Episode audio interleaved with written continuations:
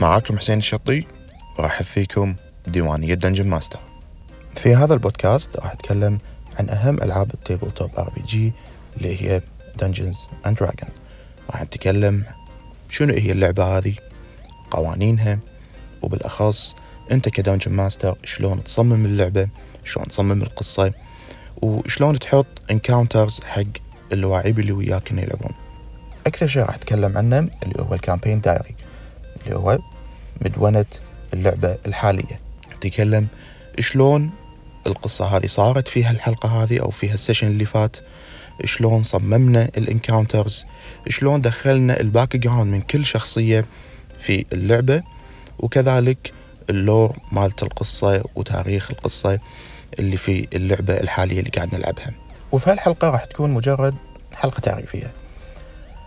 لعبة Dungeons and Dragons هي لعبة بدأت على ما أظن بالسبعينات هي لعبة تعتبر tabletop RPG يعني لعبة RPG إذا أنت محب لألعاب ال RPG راح تكون اللعبة هذه مناسبة حقك.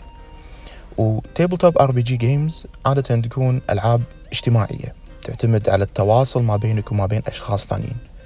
وتتكون من Dungeon Master اللي هو الشخص يصمم اللعبة وعنده القصة الأساسية وال PC اللي هم ال playable characters أو الأشخاص الثانيين.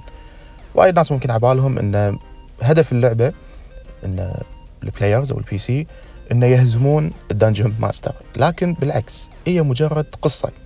القصة ممكن تكون الأحداث الرئيسية أو الحبكات الرئيسية موجودة عند ال Dungeon Master لكن تفاصيل اللعبة هي تكون ما بين الدنجن ماستر وما بين اللاعب نفسهم.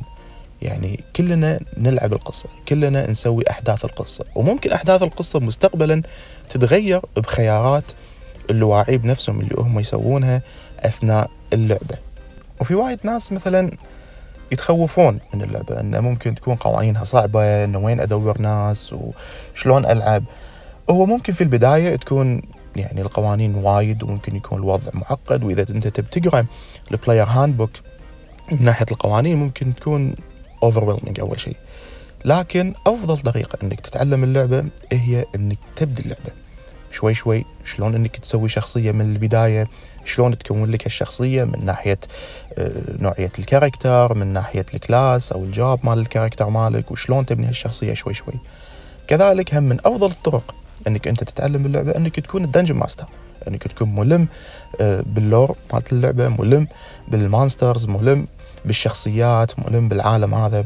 وصحيح إن في قوانين واضحة للعبة إنك تمشي عليها إنك شلون تسوي ال battle شلون تحركات الشخصية والكلام هذا لكن ما تزال اللعبة يعني على حسب مزاج ال Dungeon Master. عشان كذي غير قوانين اللعبة في شيء ثاني اسمه هوم برو سواء هوم برو كامبين هوم برو رولز هوم برو هي قوانين أو ممكن شخصيات أو ممكن نظام لعبة أنت تسويها ك Dungeon Master ما بينك وما بين ال group مالك تتفقون عليه إنكم تمشون عليه. يعني أنت في عندك guidelines في عندك خطوط عريضة ما تقدر تطلع منها ولكن داخل هذه الخطوط العريضة أنت لك مطلق الحرية إنك تسوي القانون اللي تبيه كل هالأمور وأكثر راح نناقشها بالحلقات الجاية إن شاء الله لكن راح نبدي بشيء اسمه session zero اللي هو أول جلسة تقعدها مع اللاعب وشلون تتكلم عن ال campaign الجديد.